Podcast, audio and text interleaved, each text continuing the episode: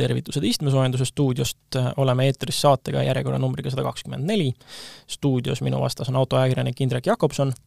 mina olen autoajakirjanik Veli Rajasaar ja räägime ikka sellest, mis on uut ja noh, nüüdseks ka juba vana, ehk siis kõrgest kütusehinnast, maksudest, räägime erinevatest ideeautodest, räägime vahepeal Tallinna ühistranspordist, sellest, mida on jälle onu Elon Musk teinud uut ja huvitavat või tegema hakkab Äh, lisaks on meil loomulikult proovisõiduauto, milleks seekord on Ford Mustang Mach-E ja lõpetame saate automõttega, mis puudutab keraamilisi pidureid, aga nüüd kõigest ikkagi järjekorras. esiteks teema, millel me juba mõnes äh, möödunudki saates peatunud oleme, äh, naastud ja kuupäev. Indrek, mis, mis nüüd ette jäi? ette jäi lausa kaks tükki. kaheteistkümnes juuni BMW X1 sõitis rõõmsalt nastude krõbinal mööda Tallinn-Pärnu maanteed. Juht ilmselt ei pannud tähele, sest ta oli kogu aeg telefonis, vähemalt nii palju, kui tal oli mahti, siis üks käsi oli rooli küljes, teine käsi oli, hoidis telefoni, nii et ju ta ei pannud nastukrõbinat tähele. no see on ju täiesti ilmselgelt andeks antav, see, kes saaks teda segada järgmiseks äh, kütuse hinnast, kaks koma kakskümmend kaks, ilusad äh, numbrid üksteise järel, ja see on siis E üheksakümne kaheksa hind, äh, kui kaua siis, juba nädal aega või? praktiliselt nädal aega jah, et meie eelmisest saatest on nädal möödas ja siis veel ei olnud, aga kuskil kolmapäeval vist juba nägime selliseid numbreid, kaks seitseteist maksab siis E üheksakümmend viis ja diiselkütus kaks null kaks, et väga hea meelde jätta nädal tagasi rääkisime, et Brenti naftabarreli hind läheb üles ja praegu tundub, et nii see lähebki, et flirdib jälle saja kahekümne kolmega ja mis globaalselt seda hinda üles veab, on ka see, et kuigi USA moosib nüüd praegu Indiat ja Brasiiliat Venemaa vastaste sanktsioonidega liituma, siis need mitte seda teha ei taha. teadupärast India on saanud Venemaaga sõja ajal suure ja väga soodsa diili, et suure ja võimsa allahindlusega seda naftat ostetakse, aga samas arvestades kerkinud maailmaturu hindasid, siis Venemaa jaoks on see sõda ja sanktsioonid kuidagi väga hästi üleelatavad. no pikas perspektiivis muidugi arvatakse, et ühel hetkel see nõudlus ja pakkumine nagu oma tasakaalupunkti leiavad ja siis need hinnad ka alla tulevad, aga praegu me küll ei tea, kunas see punkt tuleb ja kus kohas, nii et paistab jah, no üks asi, millega seda hinda meie jaoks saaks alla viia, on juba mõni, mõnda aega on sosistatud, et et aktsiis viia Euroopa Liidu miinimumtasemele, aga noh, jällegi see on siin spekuleerimise koht, et millal see üldse võiks nagu juhtuda? no meie Riigikogu rahanduskomisjon saatis juba eelmise nädala kolmapäeval teisele lugemisele eelnõu, millega siis nii bensiini kui diiselkütuse aktsiin langetatakse Euroopa Liidu miinimumtasemele ja kui see eelnõu läbi läheks ja kütusemüüjad marginaali ei tõstaks, siis see tähendaks meie tanklates igalt bensiiniliitrilt umbes kahekümne viie sendist hinnalangust. et lihtsalt eelmine saate rääkisime meenutuseks, et äh, pliivaba bensiini äh, aktsiisimäär on siis praegu viissada kuuskümmend kolm eurot tuhande liitri kohta ja eelnõu järgi läheks see siis kolmesaja viiekümne üheksa peale, et langetus oleks tõesti tuntav ja diiselkütuse puhul oleks äh, see langetamine siis kolmesaja seitsmekümne kahelt kolmesaja kolmekümne peale. aga meie kommentaar on see, et tibusid nagu tweet'e loetakse sügisel, et ootame enne ära uue koalitsiooni ja siis vaatame, mis saab või mis ei saa noh, aga lohutuseks võib ju mõelda, et noh, me oleme justkui ainuke, ainuke riik Euroopas, kus äh, ei ole veel automaksu, aga noh, ka see ei vasta ju täielikult tõele. Äh, ütleme otse, et see ei vasta üldse tõele ja on üsna naljakas, et äh, me oleme lasknud riigi ja rahvana endale sellist valet nagu aastaid, et varsti juba aastakümneid rääkida et äh, kui me jätame kõrvale selle, et auto registreerimisel tõepoolest enamus riike võtavad tasu, erandiks on Rootsi, kus esmaregistreerimise eest tasu ei võeta, noh, siis äh, kui me räägime auto ülevalpidamisest, ehk siis automaksust klassikalises mõttes, siis tegelikult on Euroopa Liidus lisaks Eestile veel neli riiki, kus sõiduautodel igasugune aastamaks puudub. Need on Slovakkia, Sloveenia, Leedu ja Poola ja kuuendana ehk siis lisaks Eestile on Tšehhis äh, isiklikel autodel samamoodi aastamaks null. et äh, selles suhtes ei maksa rääkida, et me oleme väga erilised, selles äh, pigem oleme me suhteliselt sarnased nagu teised Ida-Euroopa riigid. aga kus nüüd see automaks on, siis tõepoolest peamiselt on see pandud sõltuma CO2 emissioonist, aga mõistagi ka mootori töömahust ja paaris kohas isegi auto vanusest, nii et loomulikult maksustada saab kõiki asju, mida maksustada tahetakse. noh, või siis minu lemmik mass auto massipõhine maksustamine. et iseenesest äh, väga mõistlik lähenemine, et praegu vaadates, kuidas kõik mõõdud paisuvad, äh, noh, räägitakse keskkonnasäästust, keskkonnahoiust, millest iganes ja autod muudkui paisuvad, lähevad raskemaks, on ju, noh, äh, vastupidi, kui me tahaks säästa, need autod peaksid kergemaks minema. selline maksustamine on kasutusel näiteks nii meie põhja- kui lõunanaabrite juures, aga ka Taanis ja Hollandis, et miks ei võiks siis ka nii olla, kui siin me oleme juba või, võileivastatud kahe riigi vahele, kes niimoodi maksustavad? aga sellepärast, et äh, meile meeldivad suured autod ja kuni nad veel praegu kaaluvad vähe, siis arvestame sellega, et elektriautode puhul need massid kindlasti mitte ei kahane, vaid hakkavad hoopis kasvama. ja no suure tõenäosusega seal oleks mingisugune, mingit sorti maksuvabastus või mingi klausel elektriautodele, sest noh, ikkagi rohelisem ja nii edasi, on ju. aga kust siis riik oma tulud saab? tõsi, suur probleem jälle kord, aga hüppame edasi nädalanumbri juurde, milleks on kolmsada nelikümmend kolmsada nelikümmend häält äh, Euroopa Parlamendis on see kogus hääli ja see poliitiline jõud, millega siis parlament äh, üheksandal juunil saatis tagasi Fit for fifty five ehk äh, maakeeli eesmärk viiskümmend viis emissioonikaubanduse reformi osa, mille muuhulgas üks siis mõte oli rakendada CO2 kvoodikaubanduse süsteemi maanteeliiklusele. et Äh, Euroopa Parlamendis on teatavasti erinevad fraktsioonid, mis ei ühti liikmesriikide omadega ja konservatiivid äh, võitlesid siis nii põhjalikult selle vastu, et oponendid saatsid siis kogu selle paketi osa uuesti parlamendikomisjoni tagasi. et äh, mis nüüd edasi saab, edasi saab see, et keskkonna, rahvatervise, toiduohutuse komitee arutab seda asja siis järgmisel nädalal ja kuidagi tuleb sealt edasi minna, sellepärast et äh, parlamendi uus seisukoht tuleb saada, et saaks hakata nõukoguga läbi rääkima. samas äh, seesama Euroopa Parlament oli eelmisel päeval, ehk siis kaheksandal juunil kiitnud kolmesaja kolmekümne üheksa häälega, noh siit tulevad juba need parlamendi jõujooned ilusti välja, et nemad kiitsid heaks ettepaneku kolmekümne viiendaks aastaks siis heitmevaba maanteeliiklus ja vähendada siis kõiki heitmeid saja protsendini sõiduautodel ja väikeveokitel, mis siis ära seletatult tähendab, et vesinik või elekter ja mitte midagi muud. ja vahe-eesmärgina tuleb siis aastaks kaks tuhat kolmkümmend vähendada viiskümmend viis protsenti võrreldes praeguse olukorraga. et selles osas suutsid parlamentäärid ikkagi ühele nõule jääda ja kui see otsus ära tuli, siis Volkswagen ja Mercedes teavit- äh,, tervitasid seda avalikult, Ford, Stellantis, Jaguar Land Rover mõmisesid ka kaasa, et käib küll ja ülejäänud ei ole oma seisukohti avaldanud. muidugi Euroopa Autotööstuse Assotsiatsioon juba enne neid hääletusi väljendas oma muret, äh, mõnikord ka sügavat muret, et äh, need protsessid on natuke liiga kiired ja kõiki mõjusid ei ole arvestatud, aga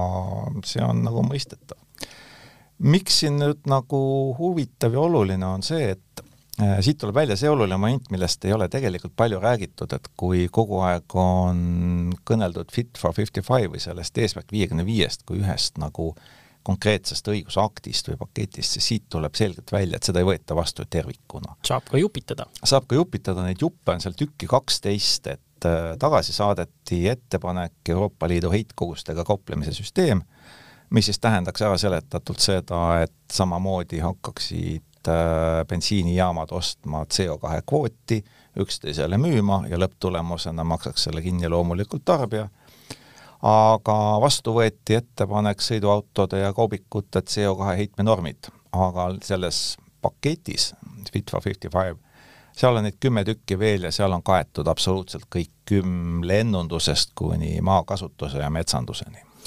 no aga siin äh, sai nüüd räägitud sellest pikalt, et kes, kes hääletasid poolt ja kes vastu kui palju ja kõik ja äh, ja ühe asja võtsid nagu vastu ja teise saatsid edasi, ühe saatsid tagasi. kuidas see protsess tegelikult nagu Europarlamendis üldse käib, mind küll huvitaks selline asi. no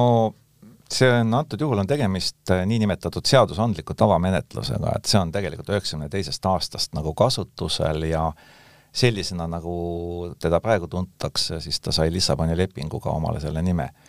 aga hästi lühidalt, noh, tavamenetlus tähendabki seda, et reeglina Euroopas asjad nii käivad, et on igavene posu erandeid, aga see ei puutu asjasse õigusloomet alustab komisjon, Euroopa Komisjon teeb ettepaneku nõukogule ja Euroopa Parlamendile ühe korraga. noh, täpselt nii, nagu aasta tagasi see juhtus, et komisjon tuli suurepidulikult ja pauguga välja, et meil on ettepanekute pakett. ja siis nõukogu ja parlament võtavad selle vastu, kui nad võtavad esimesel lugemisel, siis on kohe vastu võetud, võimalik, et vahepeal käivad täiendused, nagu praegu osade puhul, siis võetakse vastu teisel lugemisel ja kui kahe lugemisega ka ei saada hakkama, siis kutsutakse kokku selline seltskond nagu lepituskomitee. ja siis põhimõtteliselt lepitakse Euroopa Nõukogu ja Euroopa Parlamendi vahel kokku üks tekst. et seal nagu keegi kuhugi komisjonidesse ka enam kuhugi edasi ei saada ja lepituskomitee paneb selle teksti kokku ja siis läheb äh, hääletusele nii nõukogus kui parlamendis. ja siis nad ei saa ühtegi tähte seal muuta kui nad vastu ei võta, on see eelnõu välja kukkunud ja tühi töö või siis võetakse vastu nii, nagu ta on no aga laias laastus paistab selle moodi, et ikkagi see kaks tuhat kolmkümmend viis, see täielik üleminek sisepõlemismootoritelt siis elektrile ja vesinikule, et see, see muutubki reaalsuseks ja seaduseks? no praegusel hetkel tundub küll, sest meenutame, me rääkisime vist jaanuarikuises saates, kui Eesti oli oma ettepanekud Euroopasse ära saatnud, siis me siin ka natuke rääkisime, et mida nad endast kujutasid ja kuidas see nagu autoliiklust ja autotööstust mõjutab. noh, üks Eesti ettepanekutest oli ju saada erand biogaasile, praegusel hetkel see läbi ei ole läinud ja noh, suure tõenäosusega Eesti ei hakka blokeerima Euroopa Nõukogus nüüd sellega siis kogu otsustusprotsessi, et Ungarit teha ei ole Eestil nagu väga mõistlik no sarnaselt Ungarile üks vastuvoolu ujuja oma asjades kipub tihti olema ka onu Elon. et jälle kord ka sel nädalal on ta ikkagi eh, teeninud ära oma koha meie saates, mis ta siis nüüd tegi? ega ta väga suuri asju ei ole teinud peale selle, et ta on haavu lakkunud ja üritanud kuidagi tõestada, et ta tegelikult ikka inimesi koondada ei taha väga ja ja üritab välja selgitada, et kui palju siis botid ikka tegelikult Twitteri postituste arvust moodustavad aga selleks, et nüüd nagu päris äh, tõele lähemale jõuda, on ta lubanud äh, ilmuda kõigi Twitteri töötajate ette järgmisel neljapäeval. Ja see tundub äh, olevat üks päris huvitav üritus, sest esimest korda tulevane omanik astuda töötajate ette, kes ei ole teda nagu väga positiivselt oodanud selle ettevõtte etteotsa, siis saab kindlasti olema see üks huvitav nõupidamine ja tõesti siis kõik töötajad? kõigil on võimalik osaleda selles mm -hmm. mõttes, et see on selline kõigi töötajate osavõtul pakutakse võimalust, noh, nagu aasta koosolek, ikka sellised töötajate suured üritused tehakse, ainult et nüüd on külalisesineja Elon Musk, tulevane omanik. aga kui me juba Ameerika Ühendriikides ja Eloni juures oleme, siis vahepeal on selgunud, kes on Ameerika Ühendriikide suuremad eksportöörid kaubamahu mõttes ja top kaheksa mis sa arvad, Veli, siin milline autotootja on sinna sisse mahtunud, et sealt, äh, kuna jutt on kaubamahust, siis äh, pooled neist on puitpaber, sellised suured toormetootjad. aga sinna mahub ka üks autotootja, mis sa arvad, mis see on? no Ameerika Ühendriikide eksportöörid äh, väga tahaks eelneva jutu ja selle seose põhjal öelda, et Tesla, aga samas noh, kes meil seal äh, kes meil võib seal veel olla, meil võib seal olla mis iganes nende sellest, nendest suurtest tootjatest, ma ei tea, Ford? ei ole, BMW. ehk BMW, kes oli vait nagu kultrukkis, kui Euroopa Liit oma järjekordse õigusakti ülitas või õigupoolest küll noh, õigusloomeprotsessis järgmise etapi äh, et BMW pole tahtnud eriti seisukohti võtta selles suhtes, kui kiiresti nad täiselektriliseks üle lähevad, aga jah, see oli huvitav fakt, et äh, BMW Põhja-Ameerika on suuruselt kaheksas Ameerika eksportöör puhtalt kaubamahu mõttes. et võiks ju arvata, et mingid suured naftatootjad või mm -hmm. süsisöekaevandajad või mis iganes, ei. jah, noh ja vot täpselt autotootja põhjal vaatab nagu, paneb täitsa valesse suunda vaatama. jah, ja ei ole ka mingid suured ameeriklased, võiks ju arvata, et äh, Cadillac või Lincoln kaaluvad palju mm, -hmm. aga konksuga küsimus. samas võttes ju väga loogiline, sest kus hakatakse tootma uut super BMW-d. jaa, jaa noh, nüüd on äh, trivia teadmise võrra targem jälle, kusagil kokteiliklaasi taga saab kellelegi targutada. aga tuleme Ameerika Ühendriikidest hoopiski tagasi Eestisse ja räägime natukene Tallinna ühistranspordist. siin juba mõni aeg tagasi, see on üks uudis, mida me oleme muudkui edasi lükanud, sest laual olnud pikemat aega juba, aga siin kahekümne teisel mail ühel ilusal pühapäevasel päeval toimus äh, Tallinna ühistranspordipäev või ühesõnaga siis selline tore perepäev, kus näidati läbi ajaloo siis äh, Tallinnas liikvel olnud ühist-, ühistranspordivahendeid ega nüüd ei ole õige öelda, et me oleme sellest kõrvale jäänud, sest tegelikult Akseleriste portaalis on see lugu täitsa olemas ka, et igaüks võib lugeda ja pilte vaadata. aga kuna sündmus on ikkagi tõsis, tõsine juubel, sada on juubel, sellega oled Veli nõus, siis äh, äh, tegelikult äh, kakskümmend kaks mai, kui linnavalitsus seda päeva pidas, noh, see oli pühapäev arusaadavalt, muud kuupäeva on võimalik valida, siis tegu päris täpse kuupäevaga ei ole. aga räägime natuke ajalugu. et tegelikult esimesed katsed ju bussiliiklusega Tallinnas alustati, alustada jäävad tsaariaega, tuhat üheksasada üheksa ja esimesed liinid pandi siis käima marsruudil Pritsimaa ja Kopli ja pilet maksis kakskümmend kopikat ja kui sealt sõita Kadriorgu, siis see maksis kümme kopikat. no Pritsumaa juurest Kadriorgu ei ole väga pikk maa. aga noh, kuna tehnika oli sel ajal selline, nagu ta oli, siis äh, see liiklus lõppes ja neljateistkümnendal aastal ehk siis vahetult enne esimest maailmasõda hakkasid siis Kopli ja kesklinna vahel hoopis äh, Büssingi bussid sõitma, aga siis hakkas sõda ja siis oli tähtsamaidki asju teha, kui väga innovatiivset ühistranspordilahendust äh, äh, juurutada aga sõda sai läbi ja Vabadussõda sai ka läbi ja kahekümne teisel aastal siis hakati uuesti see bussiliikluse peale mõtlema ja kahekümne kolmandal mail saigi siis Fromvald Kangro, ta oli ehitusinsener ja ettevõtja ühtlasi, sai linnavalitsuselt loa viie bussiliini avamiseks. ja need olid siis Vene turg Tartu maantee, Kadriorg Pirita, Vene turg Seevald, Vene turg Peetri tehas ja Pärnu maantee Nõmme. ja kaks bussi käis, intervall oli kakskümmend minutit ja need hakkasid siis sõitma kahekümne seitsmendal mail, esimene liin siis oli see Vene turg Tartu maantee ja siis järgmised kuud kõik muud ka. ja septembris lisandus talle konkurent, selline mees nagu Volbrecht Tatsi, ja sõiduhinna ülempiir oli kümme marka kilomeeter, meenutame, et toona ju Eesti kroon veel ei kehtinud, et Eesti kroon tuli alles rahareformi järel, et äh, toona kehtis Eesti mark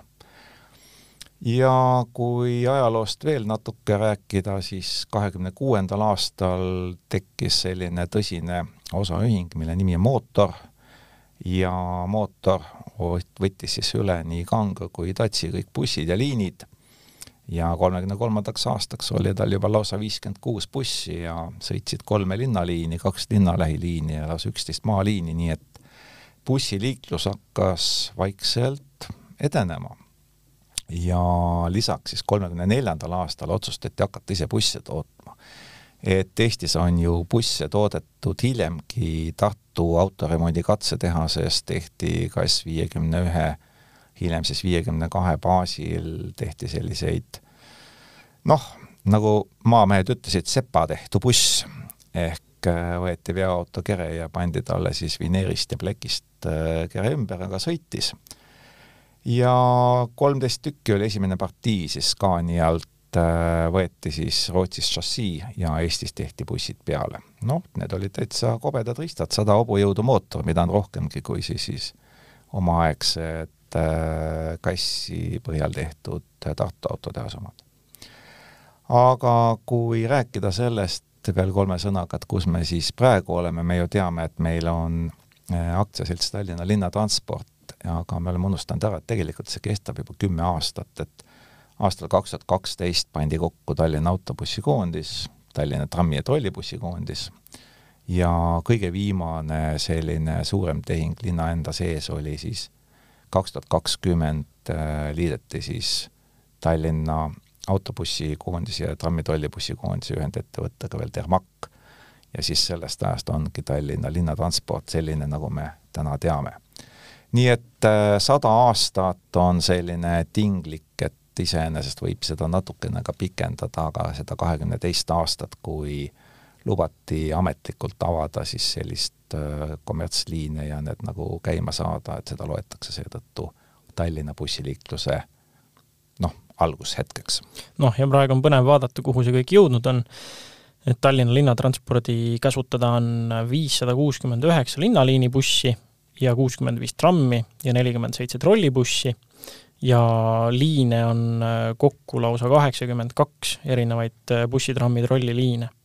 Ja noh, ühesõnaga siin on, park on suur ja lai, me oleme igasugustest asjadest rääkinud, mingisugused masinakatsetused, meil on siin ju olnud äh, Äh,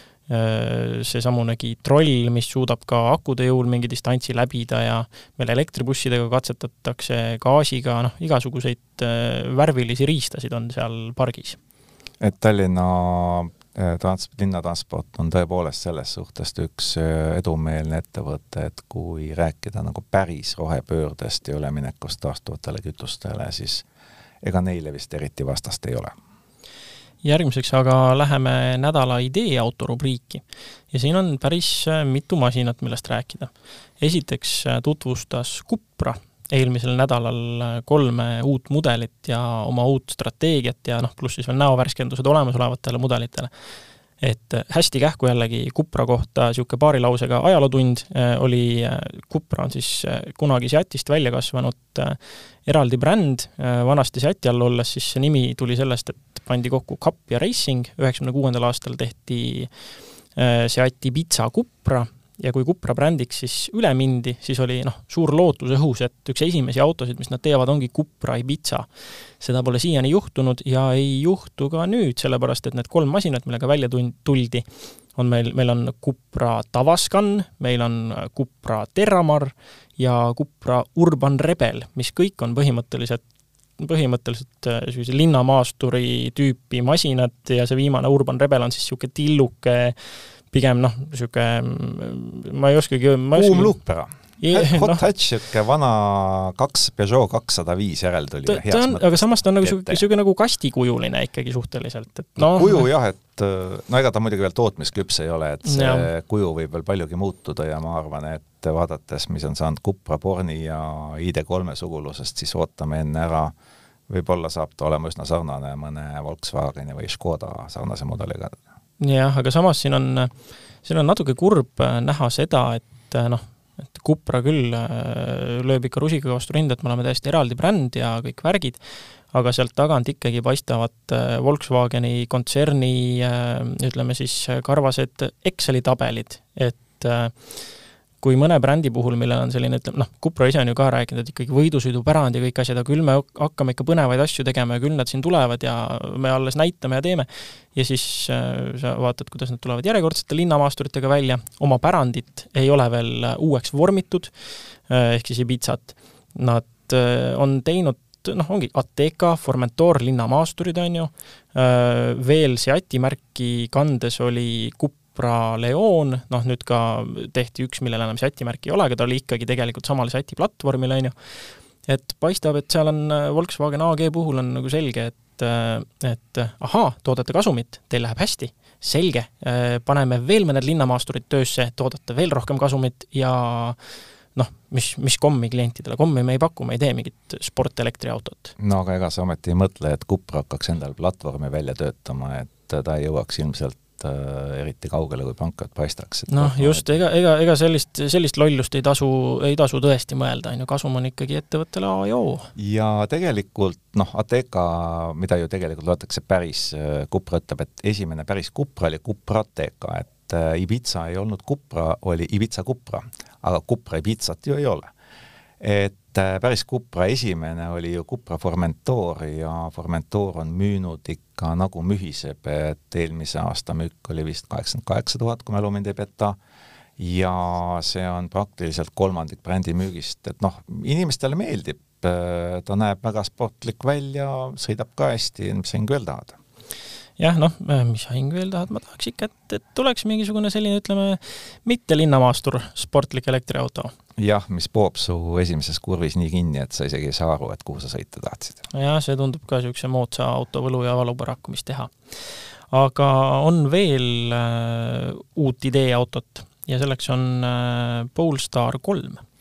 jah, Polestarist räägime ideeautodena viimasena, sellepärast et ka ideeautodele järgnevad ikkagi kadunukesed, üks peab teisele ruumi tegema, see on ka samamoodi Polestar.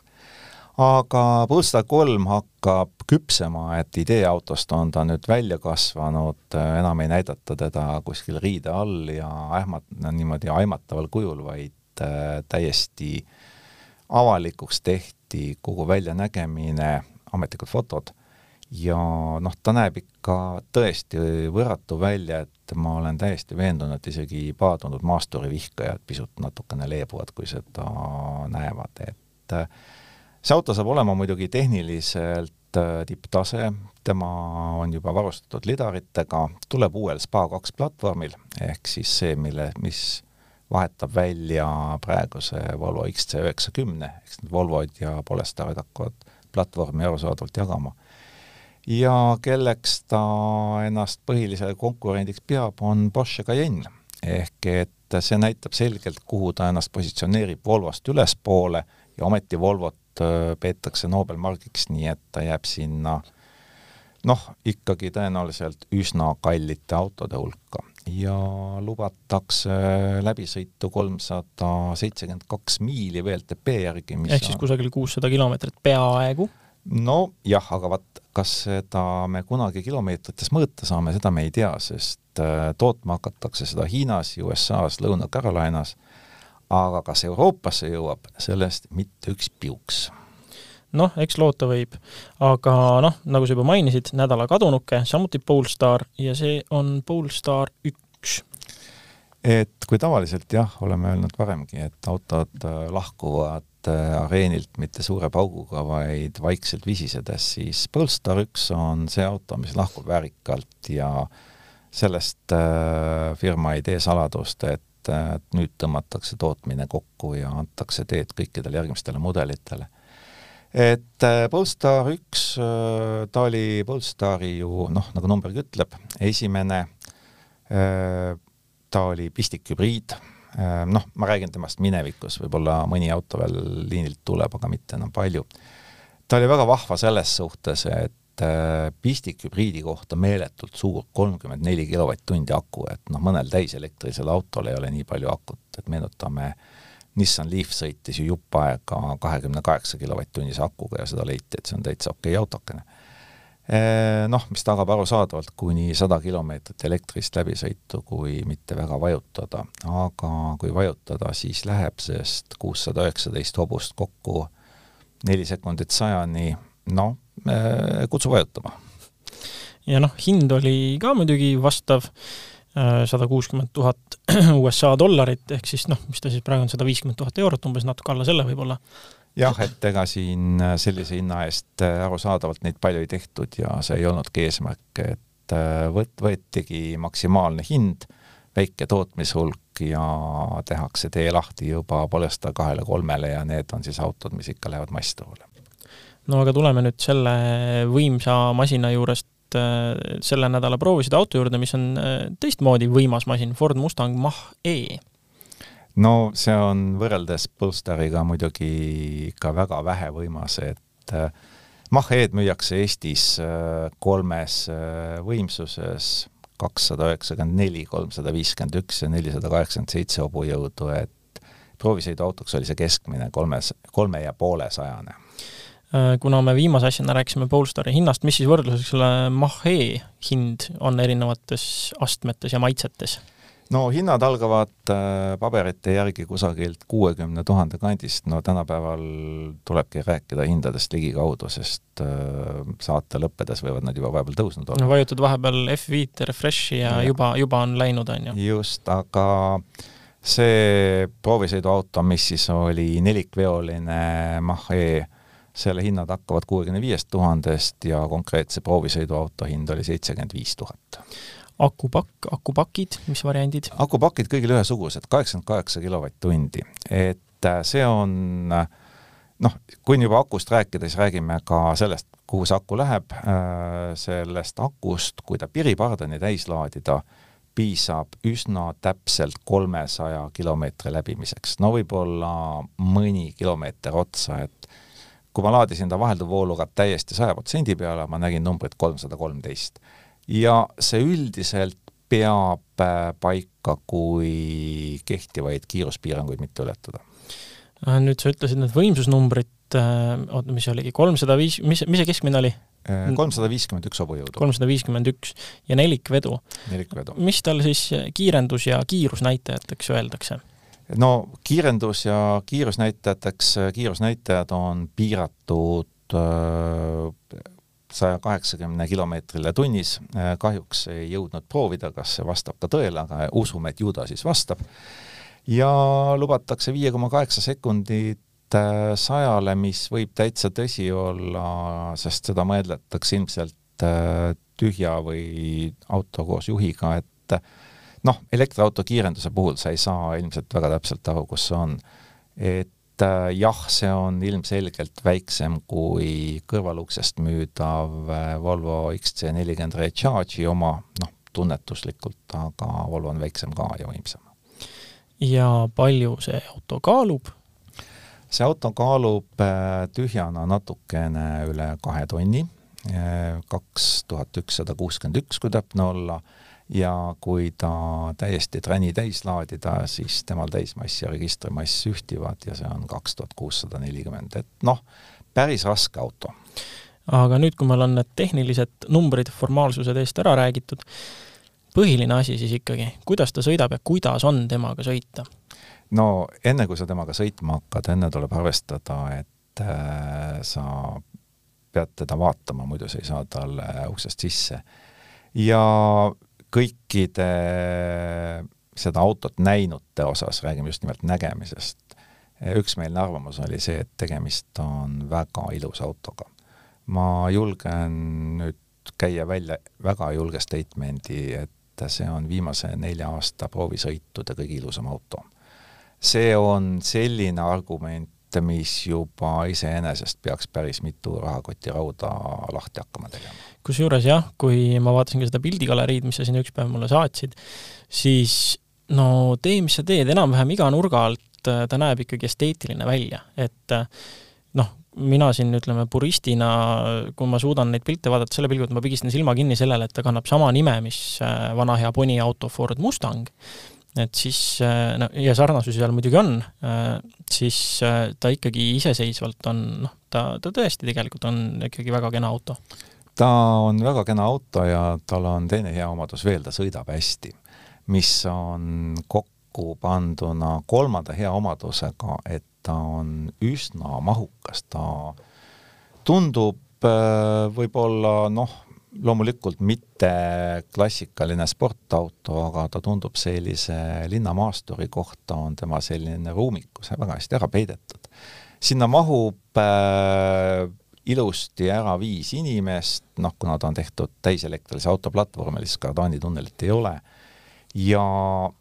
lisaks on veel piisavalt palju ruumi pagasile. ta on mahukas, noh, loomulikult ta ka kaalub palju aga ta sõidab hästi selles mõttes, et noh, mis teha, kui massi on kaks ja pool tonni, siis see mass tuleb kuidagiviisi ära peita, et ta ei hakkaks tee peal ujuma ja no mis selleks ainus võimalus on äh, vedustust jäigemaks timmida. ja seda Ford on teinud, et noh, kui temaga sõita, siis äh, pikalt sellistel konarlikel teedel hakkab ära tüütuma et see võib nagu miinusega minna, aga samal ajal võib seda võtta plussina, et kurvides see auto praktiliselt ei kaldu, et ma olin tõesti nagu üllatunud. ei, saab kalduma, aga siis on ka kiirused kaks korda suuremad, kui võiks ühelt linnamaasturilt kurvi läbi oodata veermiku osas ma saan aru, et noh, vedrustuse osas ma saan aru, et tal on Magneraid, on ju. ehk siis teisisõnu äh, vedrustus, milles on amordiõli sisse segatud metallipudi, mida siis äh, magneeti äh,, magnetiseerimise teel saab siis õliviskooslust muuta, et see siis ma mäletan, et kui viimane Mustangi, päris Mustangi siis facelift tuli, siis sellel oli Magneraidil see, et juhtaju suutis teda tuhat korda sekundis timmida et ma eeldan, et ka sellel, sellel Mustangil on sama lugu, et ta hästi tihedalt korrigeerib, aga see on, see on huvitav, et sa ütled, et ta on ikkagi üldiselt nagu jäik. jaa, et äh, selles mõttes okei okay,, kui sa sõidad äh, tavalist siledat asfalti, siis ei ole sul mitte mingisugust vahet, millise autoga sa sõidad. aga kui sa lähed temaga kurvi, siis noh, on, ta ei kaldu nii nagu teised, aga samas, kui on selline just lapitud asfalt, konarlik, siis noh, tunned ikka sisemuses, et äh, noh, ku-, kuidagi peab selle massi ära peitma ja sa ei saa seda muud moodi teha, kui vedustust tegemaks jah, see Magnaraidi kohta veel nii palju, et ta on suhteliselt transformatiivne, nii palju kui mina teda tundnud olen, sest et äh, minu autoajakirjaniku karjääri alguses oli, kui mu esimene proovisõiduauto oli äh, viimase põlvkonna Mustang, siis kohe, kui ta tuli. Ja see oli väga ebasobiva automaatkastiga selle auto jaoks ja noh, üleüldiselt mitte lihtsalt, et automaatkasti sobiks, vaid ka see, et see pärines mingitelt äh, eskaleididelt ja muudelt linnamaasturitelt ja ei sobinud Mustangi olemusega ja teisalt oli siis, teiseks oli siis see vedrustus. ja nüüd, kui näovärskendus tuli ja Magneraid äh, tuli äh, ka, siis no see oli ikka täiesti teine auto. lisaks sellele, et ta sai õige automaatkasti, see Magneraidi vedrustus ikkagi tõesti jättis väga positiivse mulje. ja siin insenerid, mehaanikud tõenäoliselt hoiavad kahe käega peast kinni, et kes see kurat segab õli sisse metalli, et see asi töötab, noh, väga tore, kuni ta töötab ja kui ta ei tööta, siis on kõik nagu paksu pahandust täis. aga noh, ma eeldan, et Fordi insenerid on omalt poolt selle töö nagu teinud, et see ei ole mingisugune väga niisugune ütleme, loose cannon süsteem, mis, mis läheb äh, tihedalt pekki no loodame, et ei lähe, sellepärast et kuni ta töötab, on ta tõesti mõnus ja, ja noh, teisiti ei saakski olla, sest kui tahta ikkagi autole poni embleem külge kleepida, siis peavad mingisugused pisut sportlikumad sõiduomadused olema, et vähemalt kurvis ei tohiks auto kalduma kukkuda kohe aga materjalid sõitjate ruumis, on see hea koht, kus olla, helikvaliteet, multimeedia, kõik asjad? nii, helikvaliteet, kuna tegemist ei olnud päris sellise kõige baastereoga, siis suurepärane, ehk et äh, kindlasti on olemas veel paremaid, aga vaieldamatult väga hea, ühtegi moonutust kõrva ei hakanud, äh, noh, ütleme nii, mitte absoluutne tipp, aga päris lähedal sellele. ehk et täiesti rahul, ühtegi miinust ei saa öelda mis puutub materjalidesse, sisustusmaterjalidesse eriti, siis äh, sealt tuleb paraku miinuspunkt, sellepärast et äh, päris mitmes kohas on nüüd see kokkuhoidu tehtud täiesti arusaamatutel põhjustel, selles hinnaklassis võiks olla natuke parem ja seda odavat plasti vähem, et armatuurlauast äh, munakivitestist tulid kobinad välja ja uste sees on uksed küll ei klobisenud, aga seal on odavat plasti ka ikka päris palju, nii et äh, ütleme nii, kokkuhoiuga on mindud natukene liiale kohtades, kus selle hinnasildi puhul oleks võinud ju pisut tagasi hoida. aga lõpetuseks, kui sa nüüd asetaksid selle auto oma hinna ja soorituse osas konteksti, elektriautode seas just, kas äh, on äh, mõni auto, mida sa Mustang Mach-E-le eelistaksid või teeb see disain siis nüüd teistele niimoodi silmad ette, et, et ei ole või, või mis sa siis arvad? no tähendab, kui ma panen silmad kinni ja tunnetan ainult äh, seljaga, tagumikuga, kõrvadega, siis äh, on üks auto, mis annab talle silmad ette ja see on temast odavam auto. ehk et neljanda seeria laetav Volvo on siiski igast otsast natukene parem, aga ta on väiksem ja see annab talle jupi eeliseid Mm, noh, Volvo on kiirem, võimsam äh, ja tal on pisut vähem selliseid, tal ei ole seda odavat plasti vähemalt alles jäetud või kui on, siis on seda osavalt peidetud, et Ford ei ole sellega vaeva näinud. aga muus osas noh, platseerub ta absoluutselt teiseks, et äh, ei ole ühtegi põhjust talle midagi muud ette heita. väga hea disain, sõidab hästi ja mahutab ka palju, nii et äh, see on see koht, mis noh, mul ei ole võib-olla, vaatad, et oma nina otsast ei ole ju palju sa seda trenni kaasa vead, aga kui sul on suurem pere, sul on vaja vedada mitut inimest ja kola kaasas, siis on Mustang täiesti arvestatav alternatiiv. ja saate lõpetuseks mahutame ära ka ühe automõtte ja sel korral on siis minu soolo, et ma võtsin teemaks sellise asja nagu keraamilised pidurid ja räägiksin neist kohe natukene pikemalt, aga kõigepealt ma küsin su käest, Indrek, mis on esimesed mõtted, mis sul tulevad pähe, kui sa kuuled äh, sõnapaari keraamilised pidurid? kui ma kuulen sõnapaari keraamilised pidurid, siis mul äh, tuleb ette teine sõnapaar, milleks on äh, lisatasu eest ja siis tuleb meelde sõnapaar sportlik ja sooritusvõime, ehk et põhimõtteliselt Äh, assotsiatsioon inimese ajus tekib, et need on midagi sellist, mis maksavad väga palju ja pannakse lisavarustusena siis eriti vingetele autodele siis on turundus väga-väga head tööd teinud. et põhimõtteliselt see, see auto mõte on, ongi suunatud siis A, kas rikkuritele, kes on pidanud äh, rinda pistma selle äh, tavaliselt viiekohalist hinnasilti kandva probleemiga nimega keraamilised pidurid, või siis äh, ka täitsa niisama neile, kes äh, tahavad äh, nimetajate rikkurite kallal ilkuda.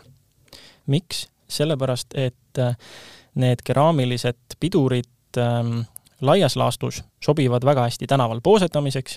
ja jutuaineseks, aga reklaamitud kasutuseks ehk rajakasutuseks üldiselt mitte nii väga aga selleks, et seda kõike lahti seletada, tuleb kõigepealt sukelduda üldsegi terminoloogiasse. et ma olen meelega siin kasutanud sõnapaari keraamilised pidurid, mis, äh, mis on juba eos natukene vale, umbes nagu äh, öelda näiteks malmist piduriketaste kohta teraskettad või öelda, räägitaksegi terasest piduriketastest, tegelikult on tegu, on ju, kõrgtugeva malmiga ja samamoodi siis keraamilised pidurid üldiselt kasutatakse väga vabalt kas ähm, süsinikpidurite, süsinik Äh, keraamiliste pidurite kohta, noh, hästi nagu vabalt ja see on jällegi turunduse töö siin, on ju.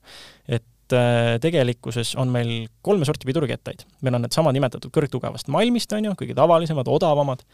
siis meil on süsinikpidurikettad see on nüüd see kange kraam, mida noh, autode puhul kasutatakse ikkagi väga vähe. kasutatakse näiteks vormel ühes, Indikaaris, võib-olla mõnes äh, võidusõidusarjas veel, aga üldiselt on kasutuseks üldsegi lennundus ja need kettad tehakse niimoodi, et noh, need päriselt siis laotaksegi süsinikkiust, on ju, seal on mitmeid nädalaid vältavad protseduurid nende töötlemiseks, et need valmis saaksid, need on hirmkallid. me ei räägi siin sellest viiekohalisest summast, mis on süsinikkeraamiliste ketaste puhul, mis on siis see kolmas tüüp, mida siis müüakse ka meie tänavakasutuses ägedatele autodele, nagu igasugused Porsche'd, Lamborghinid, siis äh, selline asi, mis tundub tihti, kui sa vaadata neid Porschesid, Lamborghinisid, et noh, ei olegi nagu tegu äh, kõva autoga, kui sellel ei ole need süsinikkeraamilised pidurikettad üldsegi küljes ja omanik ei räägi äh, iga viieteist minuti tagant neist pikka juttu, isegi kui keegi midagi nende kohta ei küsi. aga ma vahepeal katkestan,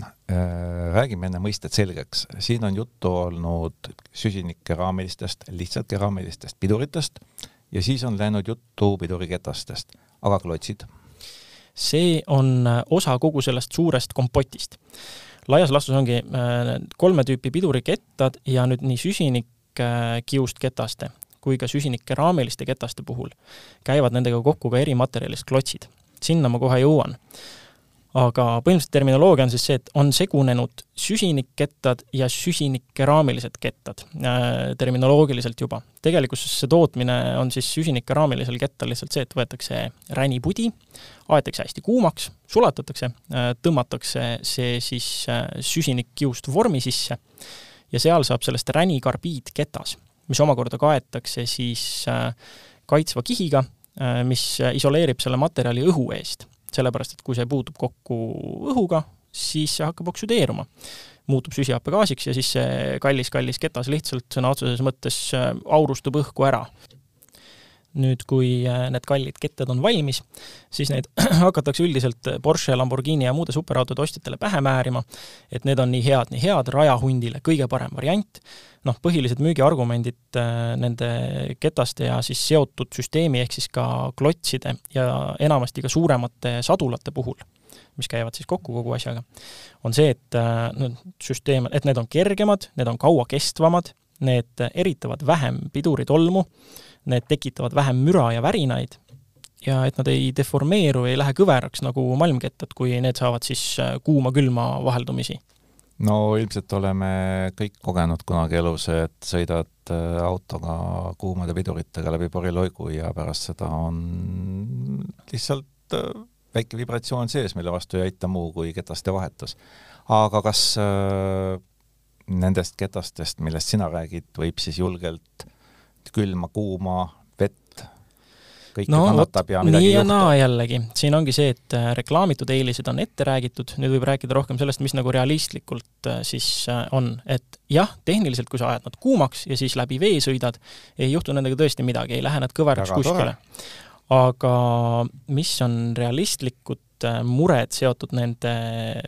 süsinikeraamiliste ketastega? suurim mure tegelikult on see, et rajakasutuse käigus need kett kettad saavad äh, väga kergesti kätte selle temperatuuri, mis tõmbab kogu selle olulise kaitsekihi kenasti maha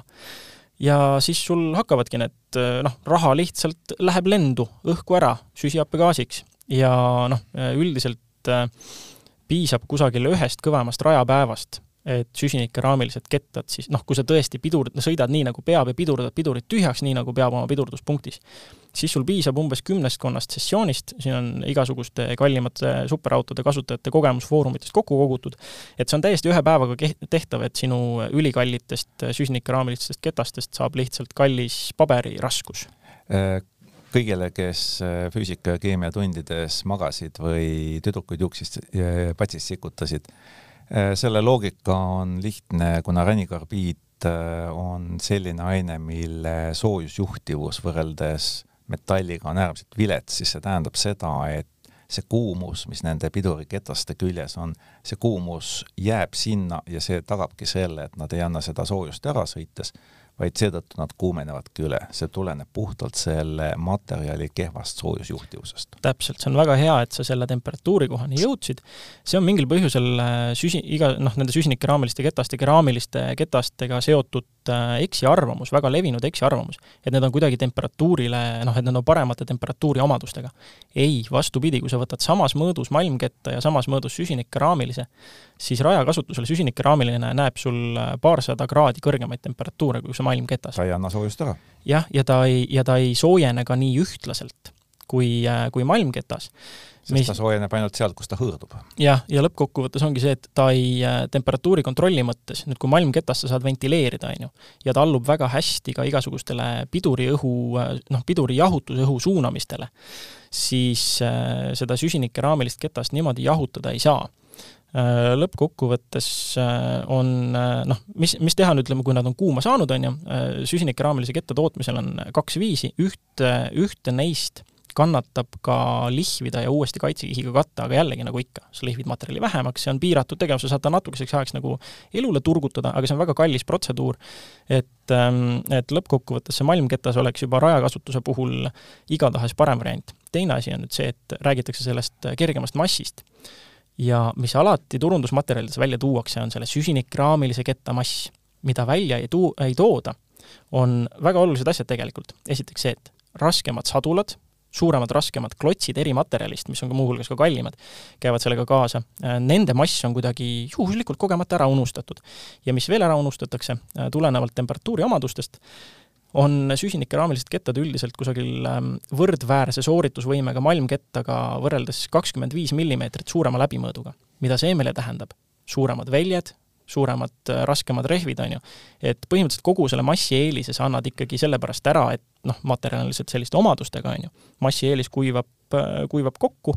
ja noh, ja noh, aga samas jällegi sul on, sul on ikka see jutuaine, sest no mul on ikka süsinikkeraamilised pidurid, on ju. Äh, temperatuuri omadused me juba rääkisime ära, äh, jahutuse miinused äh, rääkisime ära, aga mis veel selle temperatuuriga tuleb, on see, et kogu see temperatuur suundub, mitusada kraadi kõrgem temperatuur suundub ka läbi nende ägedate sadulate, läbi nende ägedate klotside ja see põhjustab palju suurema vahetus- ja hooldusvajaduse. jälle meeletu kulu, kas sellel on mingit mõtet lõppkokkuvõttes, noh, kui sul on tõesti raha, et osta kahe-kolmesaja tuhande eurone auto, võib-olla on, aga siin on üks oluline aspekt veel, et kuigi näiteks Porsche küsib kusagil kümme tuhat eurot oma erinevatele mudelitele selle süsinikeraamiliste pidurite paketi paigaldamise eest, siis äh, see on, ütleme, see on niisugune esimene doos, mille diiler sulle nagu äh, peaaegu tasuta annab, sellepärast et üldiselt äh, maksavad ainult esimesed süsinikuraamelised pidurikettad, asendus, pärast siis, kui sa omad, omad oled ära sõitnud, maksavad umbes sama palju, nad maksavad ka viiekohalise summa. ja kui kaua nad sõidavad? Vot siin on nüüd see koht, kus võib-olla tuleb välja see mm, süsinikuraamelise ketta eelis, et nagu ma juba selle teema alguses ütlesin, nad sobivad poosetamiseks, nad sobivad jutuaineseks ehk siis, kui sa sõidad oma autoga linnas rahulikult, siis tõesti need kettad kestavad. kui sa päriselt autot kasutad nii, nagu äh, turundajad sellele, sellele paketile ette näevad, siis nad, sa võid nad tõesti ühe-kahe rajapäevaga täiesti paberiraskuseks ära sõita. aga noh, see on, siin nende süsinikuraameliste piduritega on veel mõned miinused, väiksemad. et äh, esiteks on see, et et äh, piduripedaali tunnetuse üle kurdetakse, et äh, väikestel temperatuuridel ta on niisugune abrasiivne, ta on nagu noh, nagu piduritaks liivapaberiga, ta on selline hõõrduv. ja suurematel temperatuuridel läheb kivi kõvaks siis see pedaali tunnetus, et see ei mõju nagu pidurdus äh, enesekindlusele just kõige paremini. Lisaks noh, ütleme suhteliselt suur miinus on veel see, et ta ei ole löögikindel materjal. kui sa vahetad näiteks rattaid, paned kogemata kõksaki sellele kettale, kui sa velge auto küljest eemaldad ja jälle võib rikneda. Äh, kui sa töötled oma velgi mingisuguste ägedate materjalidega või noh, lihtsalt autot äh, mingisuguste materjalidega deta-, detail'id, siis äh, nendele süsinikuraamelistele ketastele tihti need materjalid ei meeldi ja see kaitsekiht võib pealt ära kuluda aga võtame nüüd mõne positiivse asja ka ometi, et noh, näiteks nad ei roosteta, eks ole, auto puhul, mida kasutatakse peamiselt poosetamiseks, noh, väikesed vahemaad, aga selle eest aeglaselt, et kõik näeksid, siis äh, selline auto tihtipeale seisab palju ja kaua Neid vist ei roosteta, see on suur eelis. jah, suur eelis, aga samas, kui sõidad, siis tuleb karta seda, et väike kivike äkki näiteks satub sinna kusagile ketta ja klotsi vahele. ja siis ei ole ainult müra. siis on jällegi väga kallis paberiraskus, see ketas. Need kettad on väga tundlikud igasugustele sellistele erroritele, mille maailm ketas rõõmsalt üle elab või noh, isegi kui ei ela, siis äh, see vahetus ei maksa tegelikult midagi nii palju. Äh, üks miinus, mis, mis veel, ütleme, see on rohkem niisugune ebamugavus, on äh, keerulised sissesõiduprotseduurid. jälle varieeruvad tootjalt tootjale,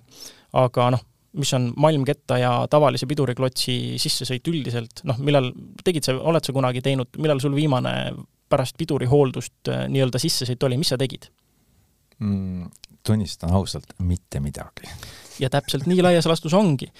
ähm,. tänavakasutusel ongi sissesõit mitte midagi, tänavakasutusest piisab ja kui sul on kui klots, klots, kui juhuslikult ei ole vale klots sattunud, mida on elus ka ette tulnud,